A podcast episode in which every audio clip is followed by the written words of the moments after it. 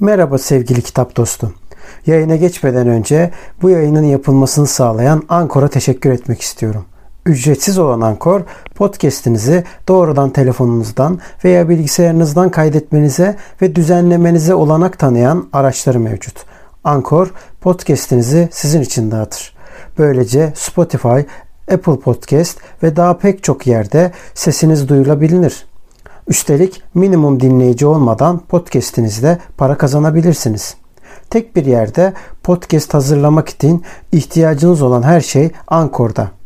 Yayına geçmeden önce hadi vakit kaybetmeden ücretsiz Ankor uygulamasını indirin veya başlamak için ankor.fm'e gidin. Şimdi podcast'ime geçebiliriz. Bir kitabın değeri neye göre belirlenir? Hiç düşündünüz mü?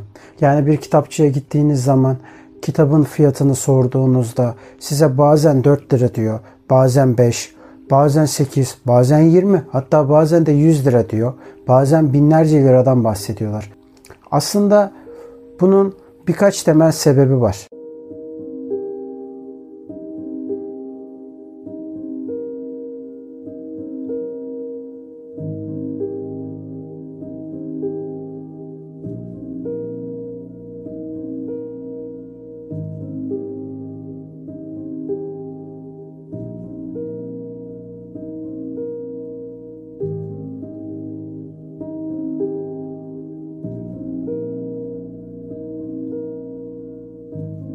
Anlattıklarımı daha çok somutlaştırmak açısından bir kitap üzerinde yorumlama yapacağım.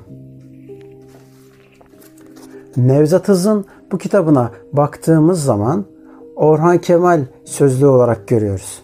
İşte bu kitapta öncelikle kitabın cildinin önemi çok mühim. Neden? Çünkü cildi yıpranmamış olması lazım. Aynı şu anda görmüş olduğumuz gibi. Bunun yanında yine sayfalarının kopuk olmaması lazım. Yetmiyor. Hangi dönemde basıldığı ve kaç adet basıldığı önemli. Ve o yayın evinin kapanıp kapanmadığı dolayısıyla o kitabı kolaylıkla bulup bulamayacağımız önemli. Bunun yanında sayfa sayısı elbette ki önemli değil. Bazen incecik kitaplar vardır. 500 liraya hatta 1000 liraya bile zor bulabiliriz. Ama bazen bazı kitaplar vardır. O kadar kalın kitaplardır ki sadece 1 liraya bile bulabiliriz. Bunun yanında kitabın az önce basım tarihinden bahsetmiştik. Bu basım tarihinde kitabın hikayesi nedir? Yani o kitap saklanarak mı gelmiş, el altından mı gelmiş ya da normal resmi basılarak mı gelmiş? Bunun yanında hiç yasaklanmış mı, yasaklanmamış mı? Bu durumlarda tabii ki önemli. Dolayısıyla da sadece arz ve talep üzerinden bu kitapların gelip gelmemesi çok da önemli olmuyor. Elbette ki kitap zamlarını bunlara koymuyorum. Kitap zamlarını koyduğum zaman sıfır kitaplar üzerinden konuşabiliriz. Az önce belirtmiş olduğum gibi yukarıda da göreceğiniz linkten kitaplar neden bu kadar pahalı videomuzu izleyerek günümüzdeki kitapların nasıl fiyatlarının pahalılaştığını anlayabiliriz. Ancak bizim burada anlatmak istediğimiz sadece bu değil. Bunun yanında o yazar ne kadar nitelikli bir iş çıkartmış. Derdini nasıl anlatmış?